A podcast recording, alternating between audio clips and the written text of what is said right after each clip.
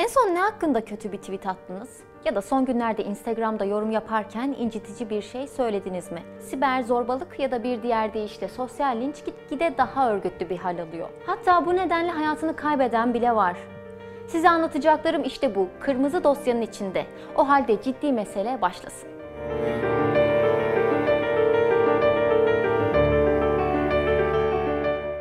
Linç kelimesinin ortaya çıkışının ilginç bir öyküsü var. Linç tabiri 1780'de Amerikan devrimi sırasında İngiliz yanlısı olanlara yargılama yapmadan ölüm cezası veren mahkeme başkanı Charles Lynch'in soyadından geliyor. Bu dönemde Charles Lynch'in yaptığı yargılamalara linç yasası deniyordu. Halk arasındaysa bir topluluk tarafından kendilerine göre suçlu gördükleri birini döverek öldürmek anlamına geliyor. Korkunç, öldürmek varılabilecek en uç nokta. İşin içine teknoloji de girince hemen hemen her şey değişiyor.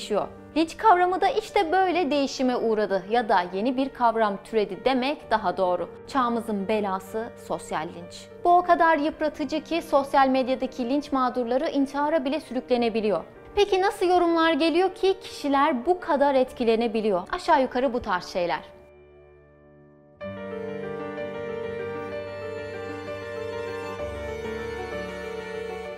Aslında büyük bir sorunumuz var. Çünkü bunu yapmadıysanız bile eminiz ki en az bir defa siber zorbalığa uğradınız. Bu pek çoğumuzun başına geliyor. Ben de geçtiğimiz günlerde rahatlıkla sosyal linç olarak adlandırabileceğimiz bir olay yaşadım. Neredeyse hiçbir olumsuz tepki almayan videom bir Twitter kullanıcısı tarafından farklı yorumlanmıştı ve benim söylediklerim bağlamından koparılmıştı. Bu medya çalışanlarının sık sık yaşadığı bir durum. Kısa süre önce sosyal lincin etkisini çok net gördüğümüz bir olay yaşandı.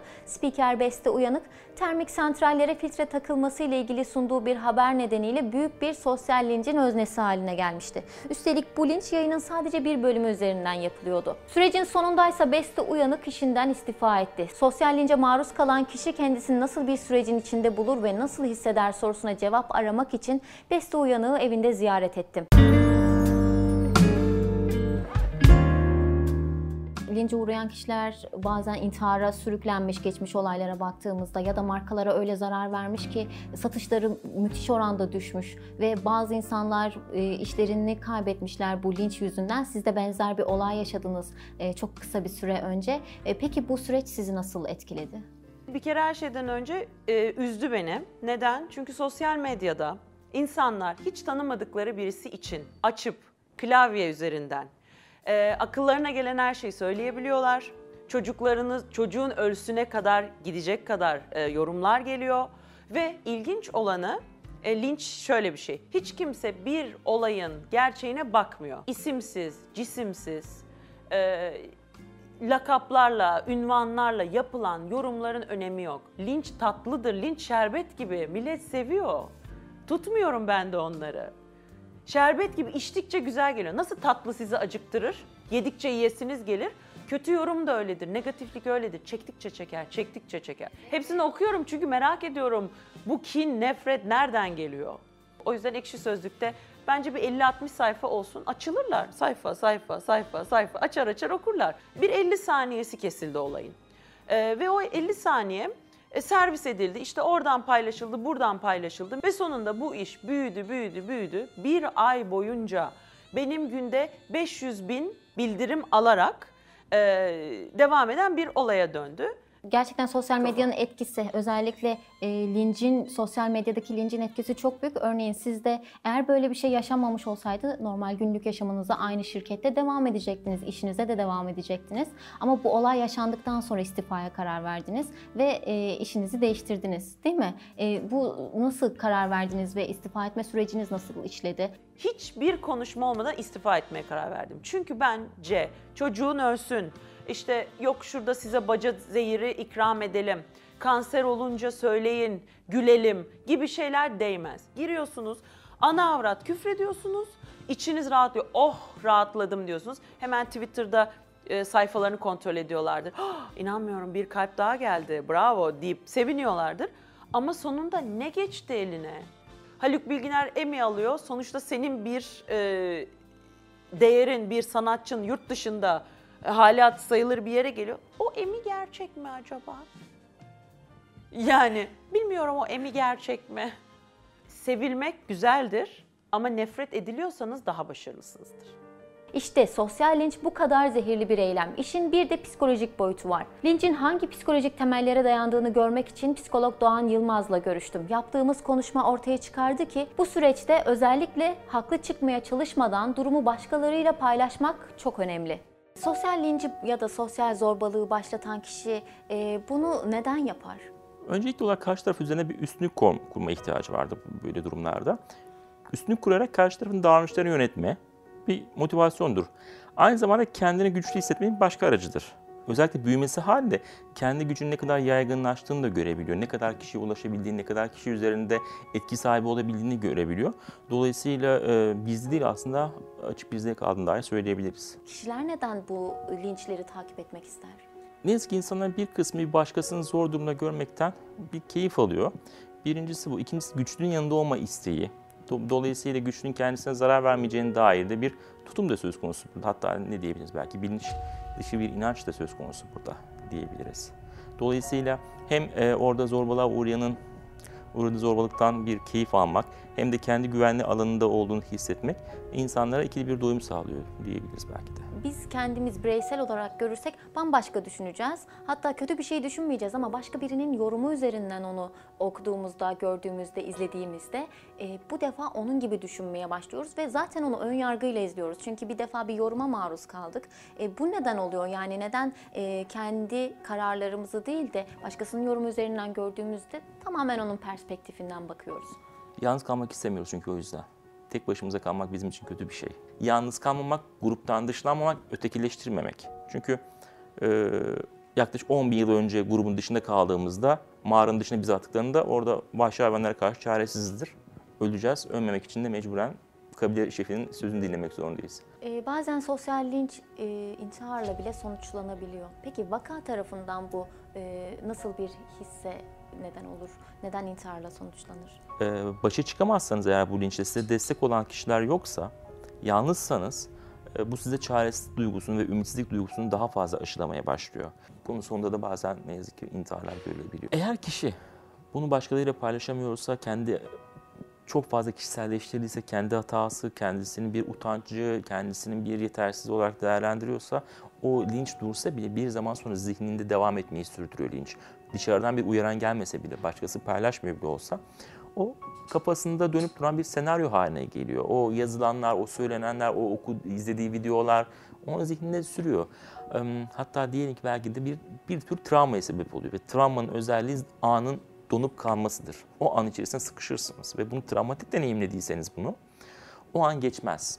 Ee, yoğun olarak yaşadığımız öfke duyguları ortaya çıkarsa bize bu linci gerçekleştirenlere karşı onlarla mücadele etmek için aktif bir çabaya girmek e, bazen süreci uzatıyor. Zira karşımızdaki grup zaten biz haksız olduğumuz için vesaire bize bulaşan bir grup değil muhtemelen. Biz dünyanın en haklı şeyini de söylesek Nasıl olur da dünyanın en haklı şeyini söyleyebiliyorsun? Sen kendi bu hakkı nereden görüyorsun diye yine bize bulaşabilecek bir grup. Dolayısıyla onları ikna etmekten de vazgeçmek, net bir çizgi çizip, net bir duruş sergilemek bu süreci kolaylaştırır. Kabul edebilsek onu da, ya bugün böyle bir olay geldi başıma, keşke gelmeseydi ama oldu. Okey, yarın olmaması için bir çaresine bakarım diyebilince o kötü olay da kendi klasörüne kalkıyor. Sosyal medyada linç kültürünün son dönemlerde tırmanışa geçtiği aşikar. Sosyal linç hakkında net ifadelerle konuşabilmek içinse istatistiki verilere ihtiyacımız vardı. Araştırma şirketi Areda Survey Genel Müdürü Yusuf Akın ve ekibi GZT için özel bir araştırma yaptı. Sonuçlarsa son derece ilginç. Araştırmaya göre kullanıcılar hem sosyal medyanın sokaklardan daha tehlikeli olduğunu düşünüyordu hem de sosyal medyadaki varlıklarını sürdürüyorlardı. Sosyal medyada lince uğrama oranı ne kullanıcıların? Her üç kişiden biri az ya da çok e, linçe maruz kaldığını söylüyor. %3.3 çok sık linçe maruz kalıyorum diyor. %31.8 ise arada bir linçe maruz kalıyorum diyor. Yani dolayısıyla neredeyse her üç e, sosyal medya kullanıcısından birisi bir şekilde az veya çok lince maruz kalıyor. Genel olarak düşündüğünüzde sosyal medyada ne sıklıkla siz ya da sizin dışınızda herhangi birinin lince maruz kaldığını görüyorsunuz diye sorduğumuzda %26 günde birkaç defa diyor. Günde birkaç defa hani dehşete düşürecek belki bir veri. %9 ise günde bir defa diyor. Paylaşımınızdan dolayı lince uğradınız mı sorusunu sorduğunuzda %72.8 oranında evet cevabı almışsınız. Bu çok çok çok büyük bir oran. Çok büyük bir oran. Burada öyle bir normalleşme hali görüyoruz ki e, biz bu araştırmanın sonrasında yaklaşık olarak şunu değerlendirdik. Tahminen yani sokaklarımız şu an sosyal medyadan daha güvenli olabilir. Veya sosyal medyadaki şu an karşılaştığımız kadar kötülükle herhalde ki sokaklarda karşılaşmayabiliriz. Sosyal medya lincini belki kabaca bir meydan dayağına e, benzetebiliriz. E, Peki araştırmalarınız sonucunda hangi sosyal mecranın e, kullanıcılara daha güvenli geldiğini ya da hangisinin daha fazla risk teşkil ettiğini bu linç e, konusu üzerinden e, sonucuna vardınız? Kullanıcı diyor ki al birini vur ötekine. %48'i yani her iki kullanıcıdan yaklaşık olarak birisi ben hiçbirine güvenmiyorum diyor. Daha sonrasında Facebook, Twitter ve Instagram şeklinde ise sıralanıyor. %26.7 arada bir başkalarını linç ediyorum diyor. Yani %28.7, %30 neredeyse her üç kişiden biri bir şekilde bu lince de katılıyor. Sosyal medyada lince uğrayıp da psikolojik destek alanların e, oranı nedir? %26.6 psikolojik olarak beni etkiledi diyor.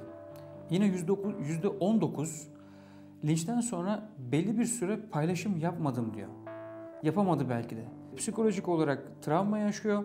Belli bir süre eline eteğini çekmek durumunda kalıyor. Bir insan niçin küser?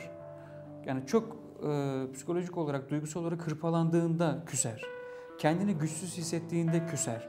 Artık mücadele yet- e, gücü kalmadığını düşündüğünde küser. Olaya bilimsel yönüyle baktığımızda karşımıza ne çıkıyor? Konu linç olduğunda beynimiz nasıl çalışıyor? Zihnimizin derinliklerinde neler yatıyor? Bu soruların cevabını bulmak ve sosyal medya lincini bilimsel perspektifle ele almak için nörolojik çalışmalar yapan Profesör Doktor Uğur Batı ile görüştüm. Biz toplum olarak eleştirmeyi ve yargılamayı çok sever bir hale geldik son dönemlerde özellikle. Sizce niye böyle oluyor? Bu bir değer zinciri gibi. Hırslandın, övgü alamadın, değersizlik hissettin. Değersizlik hissettiğin zaman da bununla narsizmle kapattın. Uğur çok iyi bir akademisyen olmak zorunda. Bir sürü yayınlar çıkartmak zorunda. Ama yetmez diyor. Aynı zamanda popüler olmak zorunda. Aynı zamanda kitapları herkes tarafından okunmak zorunda. Aynı zamanda bir de yakışıklı görünmek zorunda. Aynı zamanda çok nazik olmak zorunda. Biraz da komik olsa hiç fena olmaz diyor. Dış motivasyon bana bunu söyledi. Ben bunun hepsini olmaya çalışıyorum. Çok zor olmak. Bu değer zincirindeki bir tane aksama. Yani sadece kilo aldığım için televizyonda kendimi çok iyi hissetmiyorsam değer zinciri koptu. Hepsi olmuşum bak. Dünyaya karşı bir hınç biriktirdin. Bu hınçı da yansıtabileceğin en iyi yerlerden biri dijital mecralar, sosyal mecralar. Sosyal medyalar nedeniyle bence bir kimlik bunalımı yaşıyoruz. Kimlik bölünmesi yaşıyoruz. Bayağı segmentasyon var. Yani aslında bir tane Uğur yok. LinkedIn'de hepimiz CEO'yuz. Ee, Facebook'a bakıyorsun hepimiz aileyiz. Orada da Uğur ailenin bir parçası. Daha kapalı bir ortam. Twitter'a bakıyorsun herkes birbirine giydiriyor. Acayip bir şey. Instagram'a bakıyorsun herkes börtü böcek.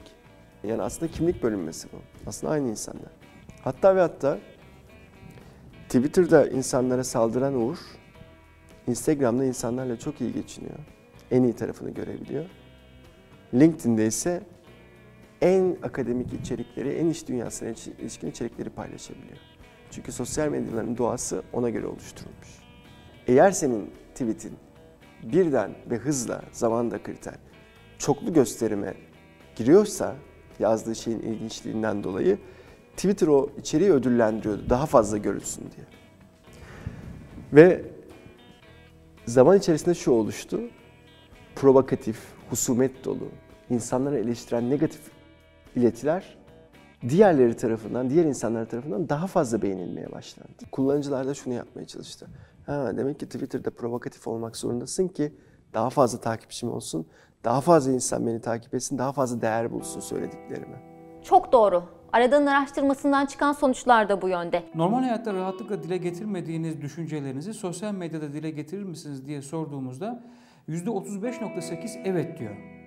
Yani aslında %35.8 sokakta, sosyal hayatta, arkadaş ortamında, aile hayatında yapmayacağı bir tavrı, tutumu sosyal medyada ben yapabilirim diyor. farklı bir kimliğe bürünüyor. Farklı bir kimliğe bürünebilirim diyor burada. Siber zorbalığın bir de hukuki boyutuna bakmak gerekiyor. Diyelim ki sosyal lince uğradınız, ne yapacaksınız? Ya da linç hangi boyutlara ulaştığında suç olarak kabul ediliyor?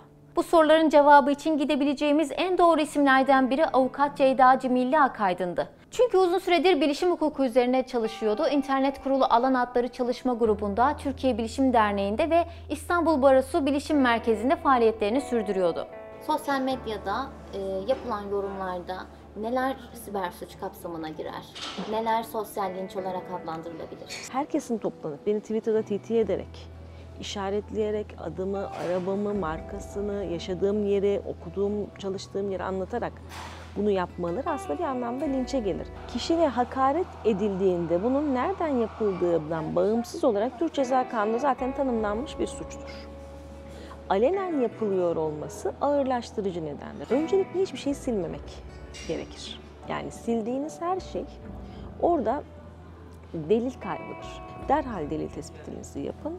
Mutlaka en kısa sürede şikayetinizi yapın. Şikayet suçta zaman aşım süresi 6 aydır. Türkiye Noterler Birliği'nin çok güzel bir uygulaması var. Ee, web sitesine girdiğinizde internet hizmetler, online hizmetler kısmında online tespit var. Ekran görüntüsü alarak doğrudan doğruya Noterler Birliği'nin sunucusuna gönderiyorsunuz. Ertesi gün herhangi bir noterden size bir rakam veriyor, bir numara veriyor daha doğrusu. Ee, o numarayla herhangi bir noterden çıktısını alabiliyorsunuz. Ardından tabii ki e, kolluk kuvvetlerine başvurmak gerekecek, suç duyurusunda bulunmak gerekecektir. Tabii olayın e, mahiyetine göre hızınız da önemli burada. Peki o kişinin fotoğrafını, görüntüsünü ya da bir yazısını, bir videosunu Tabii e, paylaş, paylaşmak, başka biri tarafından paylaşıp o kişiyi de hedef göstermek. Bunun e, O artık cezai hakareti de kapsamı- geçer. Ee, orada birkaç ihtimal doğabilir. Bir, eğer bir yönlendirme varsa, yani diğer kişileri bu kişiye karşı linçe ya da işte hakaret etmeye yönlendiriyorsanız azmettirmekten bahsedilebilir. Yani sadece yazıyı koydunuz oraya. Ama koyuş tarzınızda, yorumunuzda hakaret olmamakla birlikte hani işte ne bileyim buna sessiz kalan vatansever değildir. Ya da işte buna cevap vermeyen insan değildir gibi kavramlarla giriyorsanız zaten konuya orada zaten bir azmettirme vardır. Alacağı ceza alt sınırla 6 ay ile 3 yıl arası demiştik. Alt sınırla 3 sınır arası olduğu için e, konuşuyorum. Genellikle hapis cezasıyla sonuçlanması beklenmez hakaret açısından. Ama halkı kim ve nefrete yönlendirme suçu açısından aynı şeyi söyleyemeyiz. Hele ki sonuç doğurursa bu suç orada hapis cezası hele ki örgütlüyse yani şöyle düşünün zaten burada hani bir bölgeyi, bir e, cinsiyeti, bir mezhebi, bir dini ya da bir politik görüşü e, hedef aldığınız için ve bunun sonuç doğurma çok kötü sonuç doğurabilme ihtimali var. Yani gerçekten ölümle sonuçlanabilecek sonuç doğurma ihtimali var. Bu durumda tabii ki hani konu lince doğru gittiği zaman e, hapis cezası yatma ihtimali yüksek. Sosyal lince sadece kişiler uğramıyor. Zaman zaman markalara da yöneltiliyor sosyal linç. Markalar sosyal medyadaki linçten nasıl etkileniyor ve nasıl stratejiler geliştirerek bu durumdan kurtulmayı hedefliyorlar. Geçmiş dönemlerde pek çok marka reklam filmleri satın almaları ya da müşterilerine tavırları nedeniyle deyim yerinde ise sosyal medyada topa tutulmuştu. Örneğin bir yiyecek markası palm yağı krizi yaşamıştı. Yapılan bir başka araştırmaya göre bu krizin getirdiği sosyal medyadaki lincin ardından markada %37'lik çöküş yaşandı. Sosyal linç, e, sosyal medyadaki aslında zorbalık bazen markalara da yoğunlaşabiliyor. Peki markalar bundan nasıl kurtulur?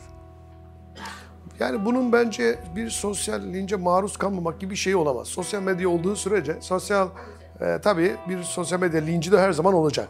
Çok net yani e, buna buna en fazla hazırlıklı olabilirsiniz. Tabii e, markalar da bu işi çözdü. Sosyal medya hesaplarının yönetim, yönetimine e, ait e, ekipler oluşturuluyor. Bilişim sistemleri oluşturuluyor, yazılımlar oluşturuluyor. Görüyoruz ki şirketlerin artık omuriliği durumunda bir şekliyle burayı kale gibi görüyorlar ve sahip çıkmaya çalışıyorlar. Gerek bunu tanıtım için yapıyorlar, gerekse de biraz önce sizin belirttiğiniz gibi linç girişimlerine karşı da bir önlem için yapıyorlar. Konu linçse işin içine manipülasyon da karışıyor. İnsanları manipüle etmek, gerçek olmayan bir şeye inandırmak o kadar basit ki. Hatta çekim esnasında ben de böyle bir şey yaşadım. Hz. Musa her türden kaç canlıyı gemisine almıştı? İki. Bir eril, Evet, bir dişi. bir, bir şey. Bunu sakın kesmeyeceksin ama. Söz mü Ömer? Buna Musa sendromu diyoruz. Psikolojide böyle adlandırılır.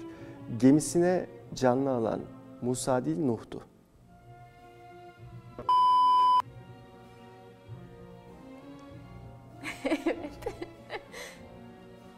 Yedim şu an. Evet, seni manipüle ettim. Manipülasyonun her türü kötüdür. Ve manipülasyon çoğu zaman sosyal linçe dayanır. Kitleler çoğunlukla başa çıkması zor bir gerçektense inanılması kolay bir yalana inanırlar. Ve genellikle de en tehlikeli yalan içine gerçek bulaşmış yalandır. Haklı ya da haksız bir şekilde her an hepimizin başına gelebilecek bir şey bu. Kimse kendinden o kadar emin olmamalı. İnsan düşündüğümüz kadar rasyonel bir varlık değil. Sosyal medyadaki linç gitgide artıyor. Linç arttıkça mağdurlar da çoğalıyor. Bunun sebebine ne dersek diyelim altında yatan ne olursa olsun sonucu psikolojik anlamda bu denli yıpratıcı oluyor.